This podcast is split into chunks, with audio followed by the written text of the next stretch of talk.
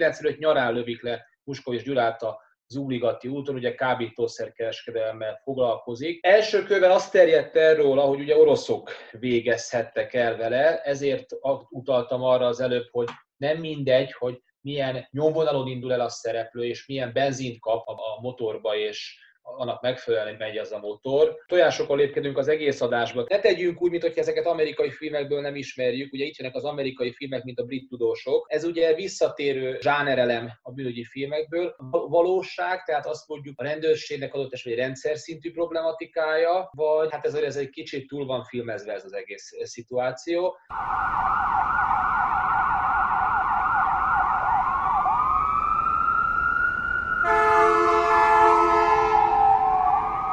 Sziasztok, ez a Tango és Kes, a 24.hu bűnügyi podcastja. Bezsenyi Tamás és Böcskei Balázs ismét jelentkezik a karanténból. Gyorsan túl vagyunk ezen a rossz poénon, mert ugye karantén, hihi, haha. Szevasz Tamás! Szervusz! Én is örülök, hogy a rossz poén a Gala Miklós vonalát is be tudjuk hozni. Vagy a saját magunkét inkább.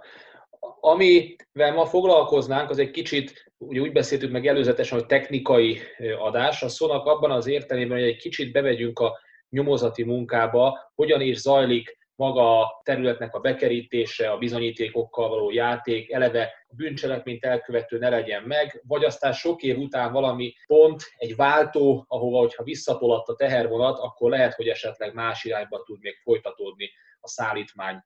a hurcolása. Egyúttal valahol utalunk is már a mai adásban is arra, hogy milyen együttműködések lehetnek a szervezett bűnözés, illetve a rendőrség között. Természetesen tesszük ezt úgy, hogy ezt követően is mind jogilag védhetőeket tegyünk, mind, mind a ketten szabadlábon tudjunk legalább védekezni. Úgyhogy Tamás, kezdjük azzal az egyszerű történettel, vagy gondolatkísérlettel, képi kísérlettel, hogy mondjuk hirtelenjében az autó mellé áll egy motoros, betűzel az autóba, az ott ülő azonnal életét veszíti, és a helyszín elhagyja az illető vagy motoron menekülve, vagy nem motoron menekülve, mind a kettő, de volt példa a magyar rendszerváltás utáni bűnügy történetéből. Kezdjük azzal, hogy jön a hívás a rendőrségre, véletlenül gyilkosságot követtek el itt és itt, hogyan történik a, a folyamatábra, hogyan folytatódik. Kik érkeznek a helyszínre, és a helyszínre való megérkezés, ami ugye teli van nyomval, teli van potenciális bizonyítékokkal, elmozdíthatatlan, vagy annak vélt, ha jól értem, azért ott érzékenységeket eléggé lehet sérteni, meg aztán nagyon sok hibát elkövetni, mert aztán teljesen burítja az egész feltárás mutatványát. Első körben valakinek érdemes betelefonálnia a hatóságra. Ugye ez még a 90-es években, amikor most ezeket a példákat mondtad, ahol ugye a Szépvölgyi úttól egészen a Margit utcá át, lényegében az Aranykéz utcáig bezárólag a város különböző pontjain történtek robbantások, eh, gépfegyverrel való leszámolások, és ahogy te magad is mondtad, a menekülési útvonalat azt vagy gépkocsival, vagy motorral oldották meg, vagy ugye, ahogy ismerjük... Margit utcánál gyalog, ugye? A Margit utcánál gyalog, vagy ugye, ahogy ismerjük, ugye a Prisztás ügynél ott elviekben biciklivel. Mindazonáltal az egy fontos szempont, hogy vagy valaki betelefonál, vagy hatósági észlelés történik. A hatósági észlelés ebben az esetben, vagy ezekben az esetekben ugyanolyan, mint hogyha valaki betelefonál, az akkoriban kező központi ügyelet, ami most már tevékenység irányító központ, az, aki először kiküldi, először a legközelebb lévő olyan járőröket, akik a helyszín biztosítását el tudják végezni. Egyébként ez a 90-es években elsősorban, tehát itt ugye Nyilván a te kérdésedben is rejtekezett az a, az a problematika, hogy ez a leszámolások időszaka a 90-es években, amikor egyébként a BRFK akcióosztálya volt az, aki első körben kiérkezett. Ők egyébként ott foglaltak helyet, ahol ma a bűnügyi bevetési osztály, ez a Páva utcában található, és például a Margit utcához, ha már említettük a, a Fenyő Jánost, akkor ott az először Labanc Ferenc és társai érkeztek például a helyszínre. Majd, Aha. amikor ők odaérkeznek, akkor úgynevezett értékelő elemző munkát végeznek, nyilván ezt idézőjelben mondva, abban az értelemben, hogy egy egyébként forgalmas útvonalon, többsávos utakon és a közlekedést is valamilyen mértékben biztosítva, vagy ahol igényt támaszthat a hatóság rá ott lezárva, úgy kell biztosítaniuk a helyszínt, hogy az anyagmaradványok és minden potenciális bizonyíték, hiszen akkor még nem tudják, hogy mi a bizonyíték, az ne kerüljön elváltoztatásra, ugyan a helyen maradjon, kvázi eredetbe legyen megőrizhető. Te hadd tegyek ki egy stop táblát. Azt mondod, hogy biztosítani a helyszínt. Na most akkor behúzza, hogy na körül itt a biztosítások határa. Honnan tudja egy ilyen helyzetben, hogy éppenséggel mondjuk a, maradjuk a fenyőügynél, mert ugye az képileg eléggé jó dokumentált, és az embereknek a fejében ezek a képek meg is vannak, hiszen visszatérőek a mai napig a nyilvánosságban. A Margit utcának a vége, akkor esetlegesen tovább kell még mennem a villamos sinek irányába, fel kell mennem a postás, posta felé részbe. Tehát így Blikre hogyan mondja meg, hogy nagyjából akkor a helyszín biztosítása jelenti ezt a területet? Az, hogy az egyes villamos fordulásától a Gülbaba türbéig bezárólag meddig kell, hogy terjedjen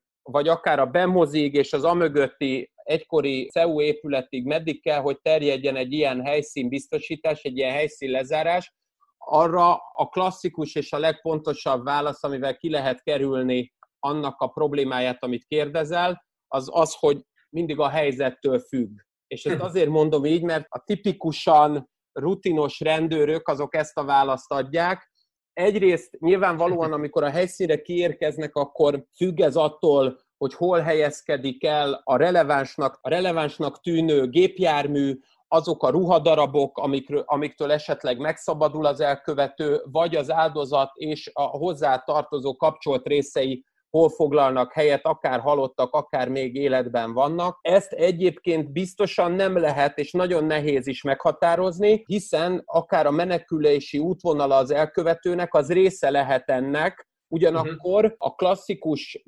bűnügyi technikai szempontoknak az érvényesítése úgy történik, hogy van egy kordon amivel a konkrét helyszínt lehet biztosítani, majd egy második kordon ettől távolabb, általában 3-4 méterrel távolabb, szintén ugyanolyan kört vagy valamilyen alakzatot leírva, a civil közönséget tartja távolabb, hanem még lehetővé teszi ebben az ilyen áteresztő képességében, mint puffer zónába, hogy a potenciálisan még ott felelhető anyagmaradványokat, bizonyítékokat is össze lehessen gyűjteni. Azt mondtad, hogy fenyőgyilkosságnál a labanc Ferenc érkezik először a helyszínre. Tudunk, és itt jön be a védőügyvédek szerepe, tehát ne terheljük be magunkat adott esetben, de előfordul az, hogy a helyszínen olyan is megjelenik, vagy akár előbb ér oda, tehát ismerünk-e ilyen történetet mondjuk, ezt elmesélés, konkrét elmesélés nélkül talán maga tudjuk, modellezzük le, amikor egy nem illetékes érkezik meg a helyszínre, és rész, vesz részt ebbe az egész helyszínbiztosítási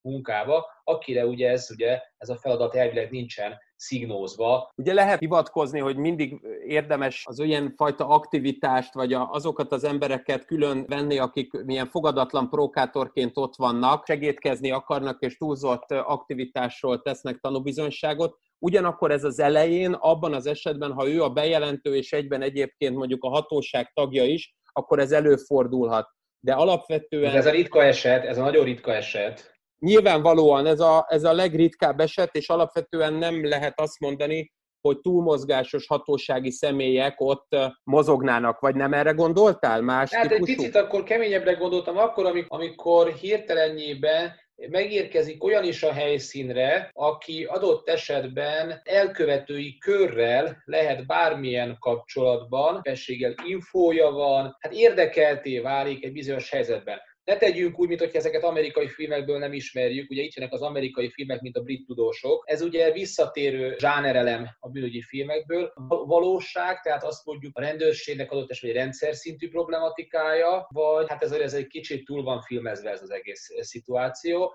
vagy néha tud így működni sajnos ez az együttműködés a szervezett tavilág és a bűnözők között, vagy pont nem az az a kapcsolódási pont, ahol ez megnyilván. Csábítónak hangozna az, hogy ezt összekössük, és az összeesküvés elméleteken túlmenően a, mondjuk úgy, hogy a civil értelmiségieknek a, a vágyképeit bele lehetne vetíteni. Köszönöm. Mindazonáltal nem feltétlenül arra gondolok, amit te mondasz, hanem inkább arra, hogy ez ebből mi implikálódhat, hiszen tudom, hogy amerikai Aha. filmekről tudnánk beszélni, de nyilván a te kérdésed mögött megbújó valódi feltételezés, vagy valódi példák, azok mégiscsak arra engednek engem következtetni, hogy mondjuk például a Lakatos Csaba elleni merénylet kísérlet az ügető pályán, ahol az akkori főkapitány, a jelenlegi belügyminiszter megjelent, akkor ehhez kapcsolódóan többen annak a az aggályuknak adtak hangot, hogy ott a belügyminiszter, a jelenlegi belügyminiszter bármilyenféle bizonyítékokat tüntetett volna el. Hát ez a korabeli sajtóban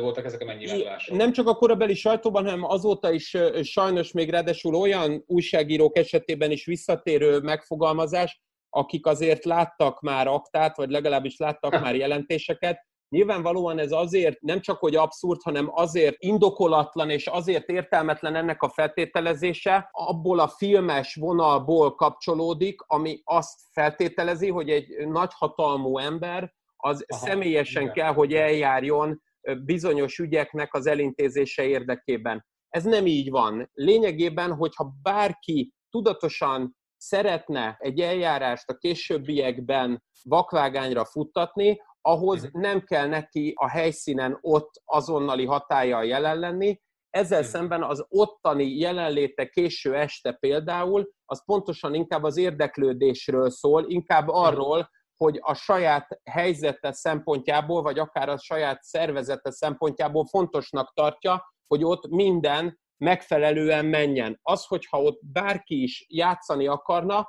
az egy későbbi menüpont, hiszen ott a helyszínen valamiben mondjuk úgy, hogy rajzolni, de még inkább okosítani azért nem érdemes, mert nagyon sok olyan személy is jelen van ilyenkor ezeken a bűnügyi helyszíneken, akiknek aztán a későbbi befolyásolása több problémát okoz, mint amennyi eredményt, hiszen mentősök is vannak, magánszemélyek is lehetnek, vagy akár csak valamilyen céghez, valamilyen szervezethez tartozó gépkocsi vezetők. Ez most azért volt kulcs, mert ezt a kérdéssel akartam neked feltenni, vagy kérdéssel akartam folytatni, hogy vajon a helyszínen előfordul-e, gyakori-e az, hogy bizonyítékok eltűnnek, elmozdításra kerülnek a dolgok, annak okán, hogy a nyomozás valamilyen okból kifőleg nehezítve legyen adott esetben, vagy éppenséggel valaki könnyebben beterhelhetővé váljon, de valószínűleg ahhoz inkább el kell helyezni valamit, és nem el kell hozni, bár ebben sem vagyok biztos. Vagy ez akkor ez egy kockázati tevékenység, mert hogy ott, amikor helyszínbiztosításnál nem csak, hogy véletlenül valaki észrevett valami,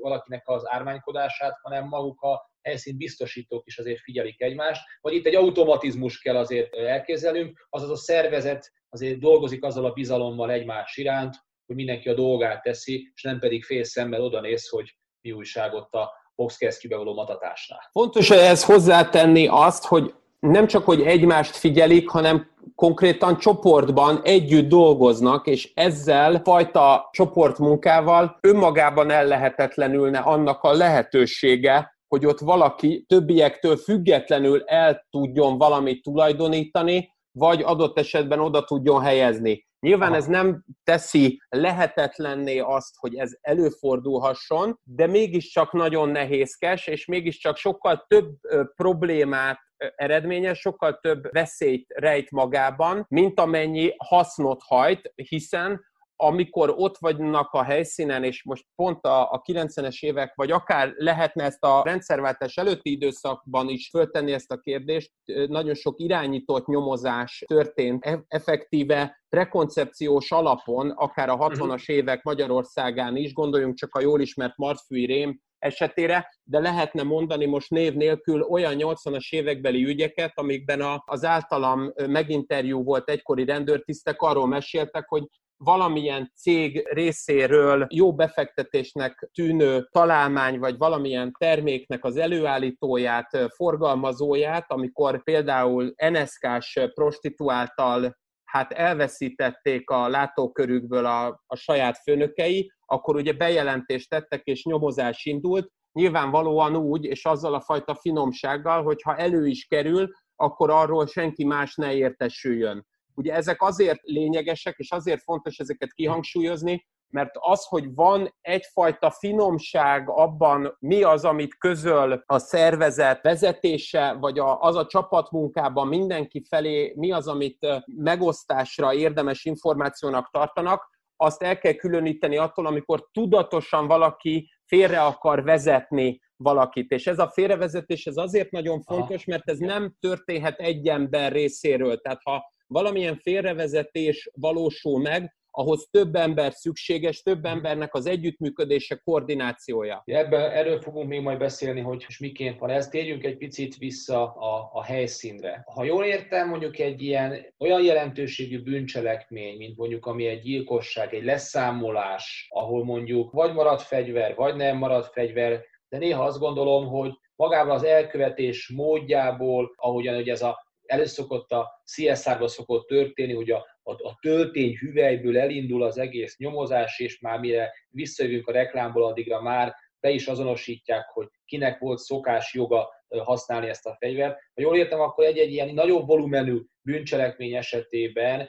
azért magában a helyszín biztosítás és az ott lejő, előjövő bizonyítékokból azért nagyon nem tud elindulni a, a nyomozó, tehát kap egy laboratóriumnak hasznos dolgot, de hát akkor jön ez a lőpor, mondjuk adott esetben nem merül fel, de mondjuk mit tudom én, a, a DNS vizsgálat, meg új lenyomat, stb. Tehát például gondoljuk a fenyő ügyre, ott ugye nincsen nagyon kontakt az autóval magával, és az a benne ülővel, tehát ott kevés hogy nyom maradt hátra, tehát az nem, mond, nem azt kérem, hogy mondjál százalékos arány, de hogy ott a helyszínen azért olyan sok minden nem derül ki, amiből el lehet indulni elsőre. Azt gondolná az ember egy ilyen, egy ilyen kevés fizikai kontaktussal járó gyilkosság esetében. Nem csak, hogy nem lehet ilyen egyértelműen kiindulni, hanem alapvetően ez például, ha most a fenyőt alapú vesszük, akkor még azt is meg lehet mondani ehhez kapcsolódóan, hogy ez ráadásul egy nagyon forgalmas időpillanatban történik. Ugye ez nagyjából 5 óra 30 után, de még 6 óra előtt történt meg a gyilkosság, azon a, a pontján a Margit körútnak, amikor az egykori Mártírok útja, akkori Margit körút ugye kanyarodik el a Merkvárt liget felé, és a, a Ben Mozitól a Margit utcáig tartó részben van, vagyunk mi relevánsak, hiszen a Margit utcából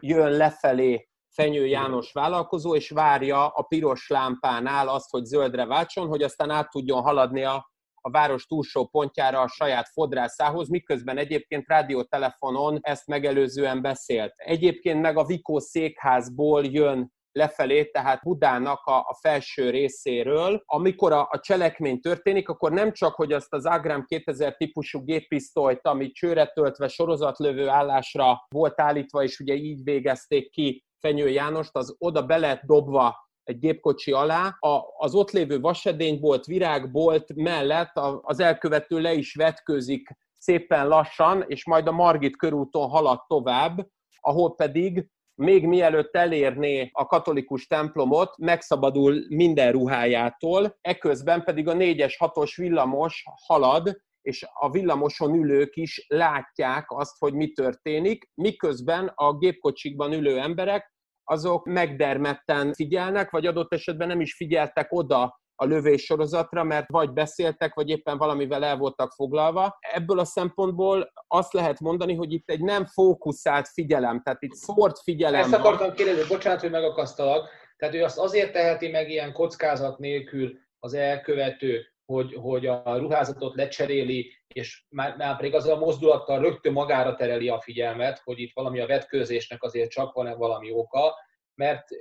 feltételezi, vagy nagy reménye van azt illetően, hogy mindenki a helyszíre figyel, még ha villamos megy a helyszíre, már azt nézik az emberek, amikor meg elmegy arra mellette, akkor még mindig az emberek visszatekingetnek, az autók belassítanak, tehát senkinek sincs annak a tudatában, vagy pillanatában, hogy hoppá neki a járdákat kéne nézegetnie, mert itt valami hirtelenjében történt, ott vele párhuzamosan vetkőzik valaki, hanem mindenki az, a bűncselekmény helyét nézi potenciálisan. Ebbe bízik? Nem csak, hogy ebbe bízik, hanem alapvetően abba bízik, hogy amikor egy gépfegyvernek egy, a sorozat lövése elhangzik, akkor az olyan hatást kelt az emberekben, amitől mindenki megdermed, vagy a saját életét félti, vagy olyan mértékben döbben meg, olyan mértékben fagy le, hogy nincs alkalma arra, hogy bármit is megfigyeljen, hiszen a, a benne lévő sok az, amitől lényegében a, az ő agya, ha tetszik, ilyen kisé metaforikus módon lebarnul, és nem képes színhelyesen mozogni, nem képes gondolkodni, és ez a fajta lebarnultság, ez egy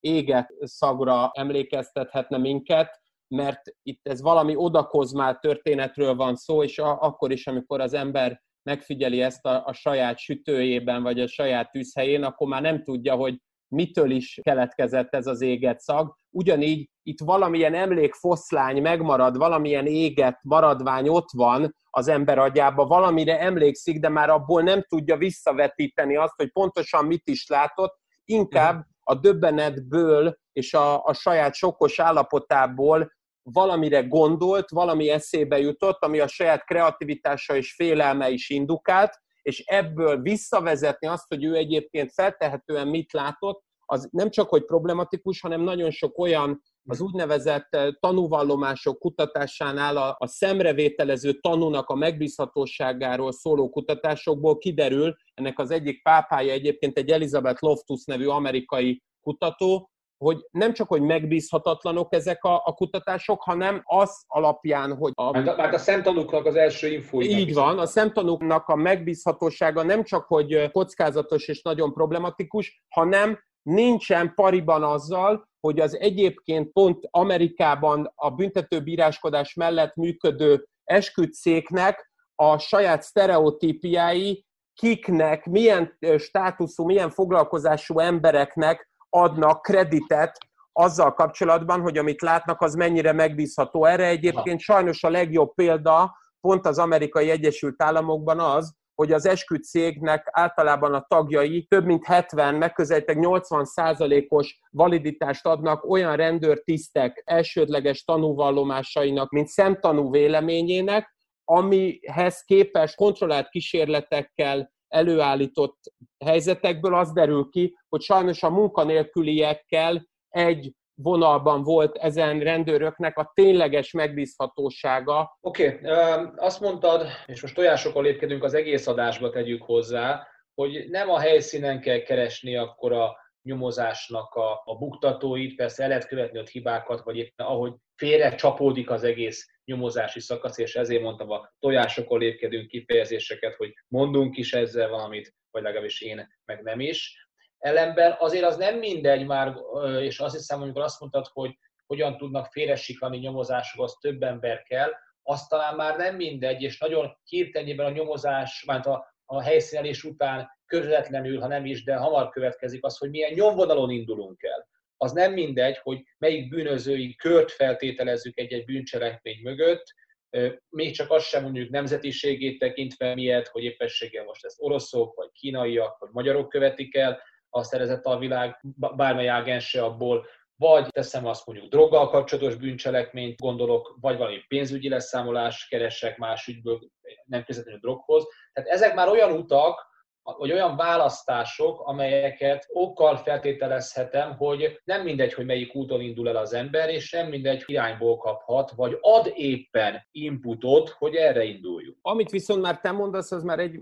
későbbi folyamatnak a, a része, ezt nem lehet ilyen egyértelműen helyszínhez kapcsolni, hiszen ott a helyszínen a, a legfontosabb az nem csak az anyagmaradványok, nem csak a, az esetleges új a, a lehetősége, vagy szagmaradványok, vagy a ruháknak a, az ott léte, vagy nem ott léte, vagy bármilyen potenciális bizonyítéknak, tárgyi bizonyítéknak a, az ott léte, hanem az, amit te mondasz, az már feltételezi azt, hogy már van egyfajta következtetés abból, hogy akit megöltek, vagy akivel szemben felléptek az elkövetők, annak a, a sajátos közegében vagy helyzetében van valamilyen félelmekelt helyzete, mert ő nem csak hogy bűnöző, hanem mondjuk vállalkozó, ő meghatározó ember, nem meghatározó ember, az már a következtetések világába visz minket, ott a helyszínen,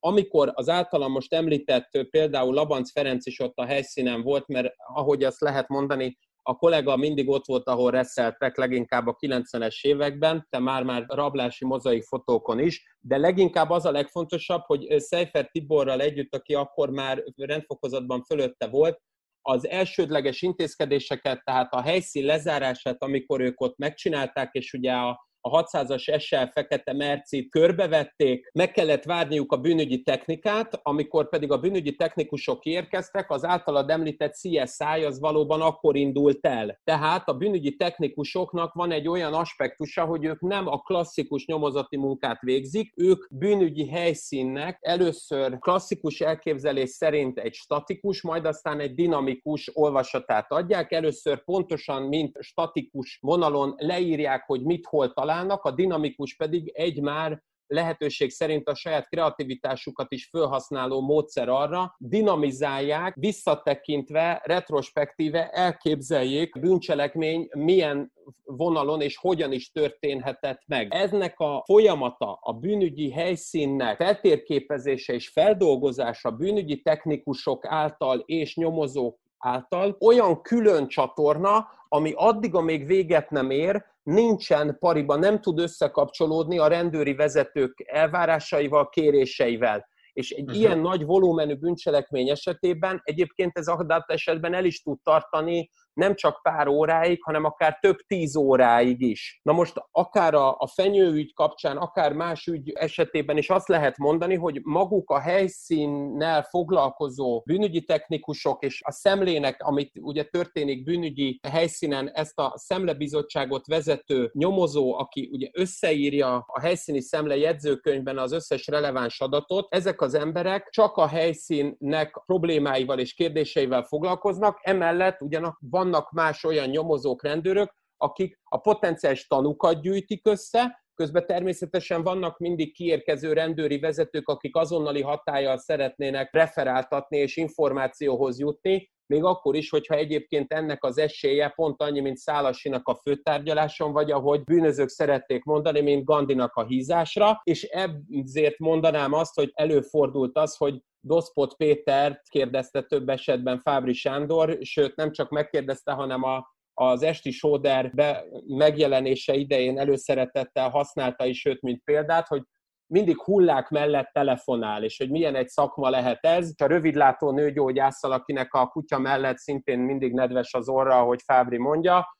ez is egy nagyon nehézkes szakma lehet, mondta ő. Nyilvánvalóan az itteni telefonálások, amikről Fábri beszélt, az azzal függött össze, hogy folyamatos referálást, folyamatos jelentéstételt várnak el, vagy vártak el rendőri vezetők. Ugyanakkor azt is fontos ehhez hozzátenni, hogy a helyszínen való jól és relevánsan történő bizonyítékbeszerzés az már alapvetően feltételezne bizonyos gondolkodást. Ugyanakkor pedig pontosan azért, mivel a rendőr később attól félhet, hogy őt bármilyen figyelmetlensége miatt felelősségre vonják, ezért, ezért azt lehet mondani, a klasszikus történészi logikából fakadóan egy ilyen to- a maga totalitásában szeretne mindent feldolgozni, viszont az ilyen típusú totalitás az ellehetetleníti a releváns anyagoknak a hangsúlyadását, azt, hogy mi az, ami fontos tényező, hiszen ha mindent összeírunk, mindent leírunk,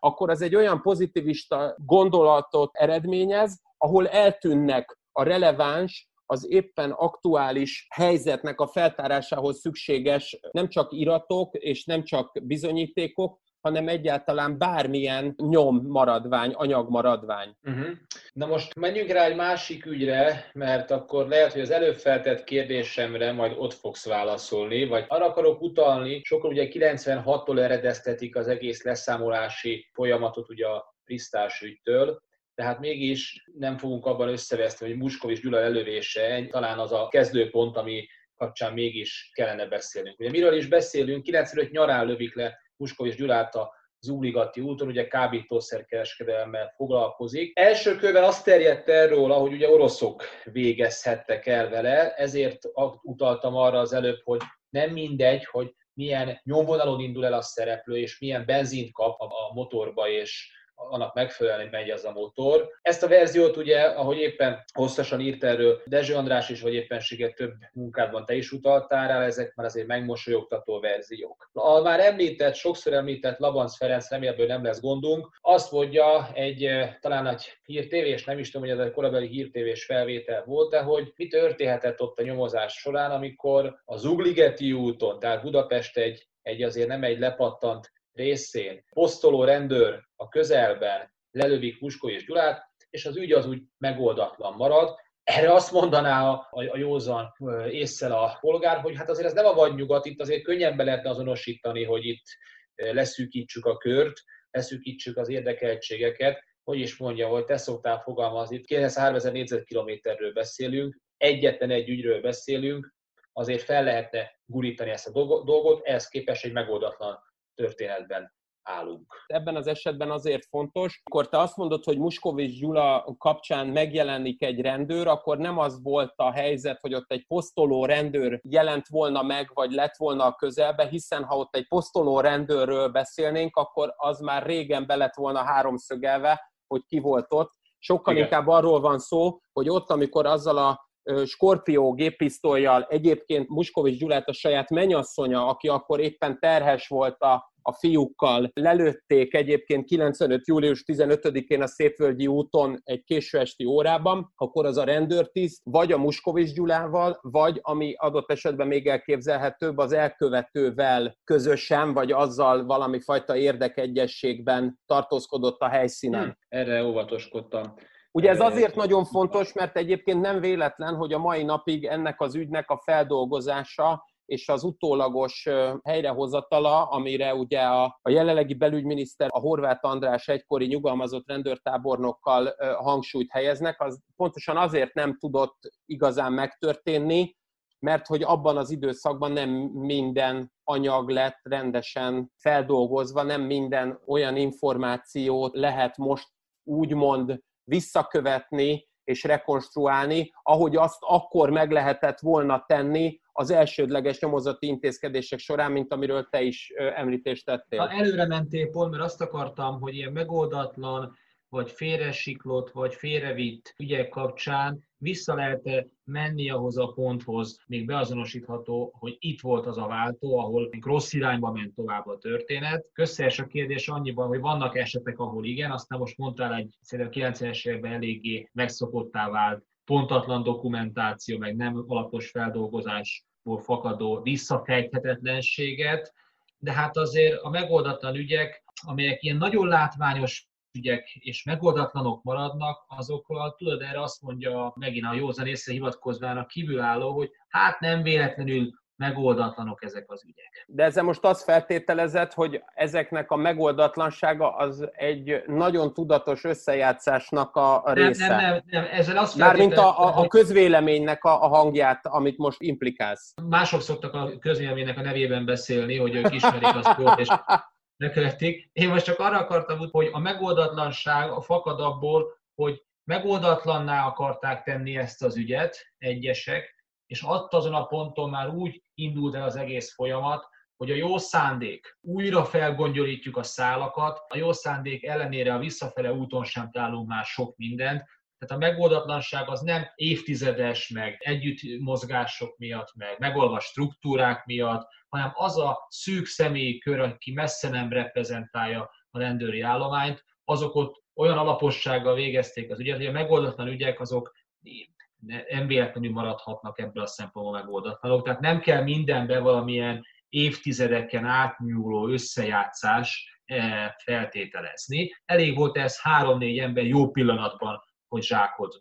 dolgokat. Nyilvánvalóan ennek van alapja, hiszen hogyha meggondoljuk egyébként az Aranykéz utcai robbantásnak dolgozása, és most a Boros Tamás elleni merénylet, ami egyfajta zárókőként is funkcionáló esete ott például ugye mégiscsak olyan videókazettákat használnak föl, és próbálnak meg már ugye az első fokot is túlélt eljárásban használni, ami akkor egyébként rendelkezésre kellett volna, hogy álljon. Nyilvánvalóan az, amit te mondasz, az azt feltételezi, hogy beszélhetünk egy olyan lehetőségről is, hogy egy-egy lobbyerő a rendőrségen belül együttműködött a szervezet bűnözés bizonyos tagjaival, Ugyanakkor viszont mivel a magyar szervezet bűnözés az már a, létrejöttekor origó pontjában folyamatosan és alapvető kiindulási pontjaiban összekapcsolódott a hatósággal, egyfajta alternatív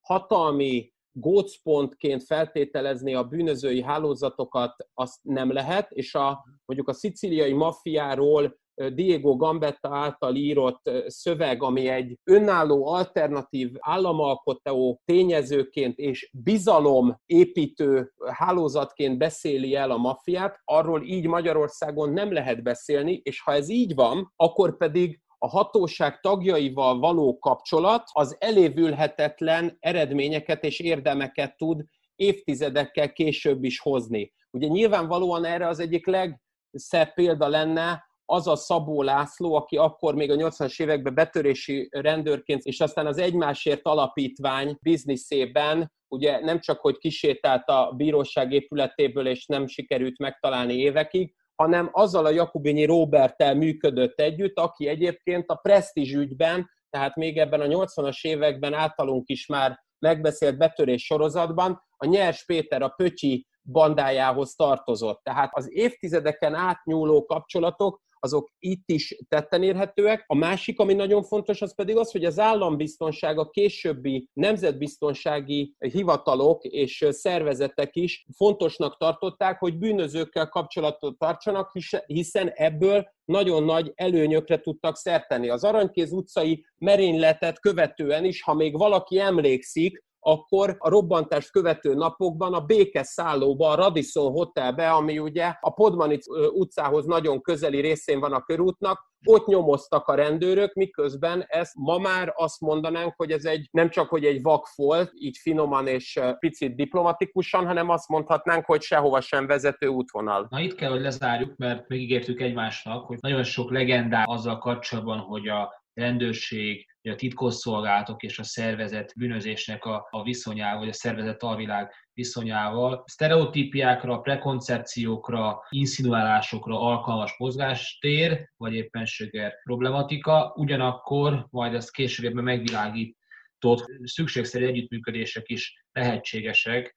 mégpedig az információ szerzés véget, vagy éppenséggel pont a nyomozás előre haladtával. Sőt, sokan vannak olyanok, akik ki akarnak szállni, és védettséget keresnek, megoldást keresnek a kiszállásra, úgyhogy maguk egyébként információgazdák ígérjük a hallgatóknak, fogunk ezzel a témával foglalkozni. Azért fontos hozzátenni, hogy nem véletlenül nem tudunk ebben zöldágra vergődni most itt az első adás keretében, mert például az általad felemlített Muskovics Gyula ügyében, akkor, amikor megtörténik az ölés, akkor azt követő hónapokban folyamatosan megjelenik az a probléma. Korábban az ő kivégzését megelőzően történtek rejtélyes módú például taxis gyilkosságok. Siófokon egyébként volt pontosan egy héttel ezt megelőzően egy Jáni Ferenc, akkor az Intertaxinál dolgozó taxisofőrnek, aki egyébként azzal a működéssel lett megáldva állítólag Muskovicsnak köszönhetően, hogy illegális valutaváltó is volt, tehát ezt a férfit egy barátnőjével együtt végezték ki, amiből a férfi akkor már ott éjszaka július 7-éről 8-ára már nem állt föl, és ott a Bláti Otto utcában Siófokon kivégzik, és a, a nő még túléli, akkor Muskovics Gyula még akkor az éjszaka lemegy és próbál tudakozódni, hogy mi volt ennek a, az esetnek a körülményei, mit tette ezt esetleg szükségszerűvé, hogy ez előforduljon. Ezzel csak azt akarom mondani, nagyon fontos az ilyen ügyeknél nyilvánvalóvá tenni, egyrészt per definíció nem ehhez történeti típusú értékelés szükséges, tehát évekkel később tudjuk ezt igazán pontosan és behatóan értelmezni, hiszen akkor, amikor ez végrehajtják, akár a kivégzést, akár ehhez kapcsolódóan más bűncselekményeket, amik motivációi vagy következményei lehetnek ennek a, az ügynek, akkor ezeket azért a távolból és távolságból kell tudnunk nézni, mert a későbbi összeveszések, az, az egykori jó kapcsolatok felbomlása teszi lehetővé, hogy a megfelelő távolságból értelmessé tudjuk ezt avanzsálni. Másfelől azért is nagyon fontos, azt, amit ebben az egész helyzetben mi látunk, abban adnak a veszélyével szembesülünk, hogy nagyon sok olyan bűncselekmény történik, amivel lehet összekötni egy-egy ilyen nagy volumenű bűncselekményt, de az összekötése most, mint például, amit én is mondtam, a Jáni Ferencnek a, a kivégzése tűnhet adhoknak, de egyébként lehetséges, hogy az egyik legfontosabb szempont is, és ugye azt abban az esetben, ha már fekete dobozként funkcionál az adott kivégzésnek az ügye, hiszen már nem ismerjük azokat a tárgyi és személyi jellegű bizonyítékokat, akkor az a probléma merül föl, amiről én azt gondolom, hogy a Casino című filmben, és így zárókőként azt tudom mondani, hogy ami miatt a Casino című filmet szeretem fölhozni, és most nem nevetsz föl, de mégis tudod, hogy mire gondolok, azért, mert akkor az Ász Rothstein, az eredeti nevén Frank Rosenthal, amikor Tony Spilotróval, vagyis a filmben Nicky Santoróval, tehát akkor Robert De Niro Joe Pesci-vel beszélget a sivatagba, ahova kihívja a Joe Pesci őt, akkor azt mondja, hogy mikor kérdeztem én tőled azt, hogy én ebbe a városba maradhatok. És lényegében ott egy olyan kérdést tesz föl neki, ami egy órával ezelőtt a filmben, hiszen ez egy elég hosszú film, valóban elhangzott az ő részéről. És ezt csak azért akarom kihangsúlyozni, mert ez az a film szerintem, ami egy valós maffia helyzetnek a felvázolása során alkalmat és lehetőséget biztosít arra, hogy a néző külső szemmel meg tudja ítélni azt, hogy egy a szerencsejáték területén jól működő bűnöző hogyan feltételezi saját gyerekkori barátjának a, a saját nehézségeit, miközben egyébként arról nekünk nézőnek kiderül, hogy a, a rendőri főnökkel való rossz viszonya tehet, a bűnöző barátja pedig saját hatalmi potenciájába való hit miatt már nem képes racionálisan gondolkodni. És ezek azért fontosak, mert akkor, amikor mi most beszélgetünk arról, ki mit nyilatkozott, ki milyen tanúvallomást tett, akkor ezeket számba kell venni, hogy mindig egy adott személyes motiváció vezérli ezeket az embereket, és ezekről le kéne tudnunk hámozni ezeket az adhok vagy a szituációhoz kapcsolódó vágyképeket,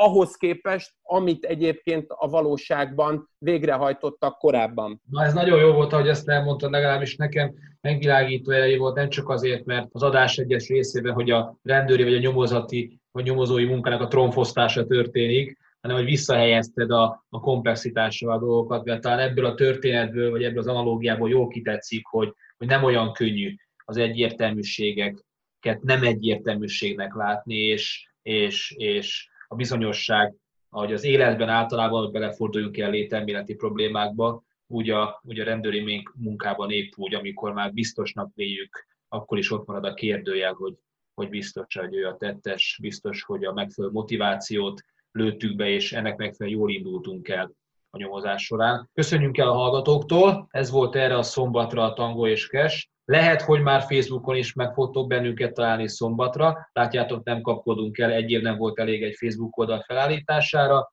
de egyébként a Spotify-on és az egyéb más helyeken viszont ott vagyunk, és jövő szombaton találkozunk. Sziasztok! Sziasztok!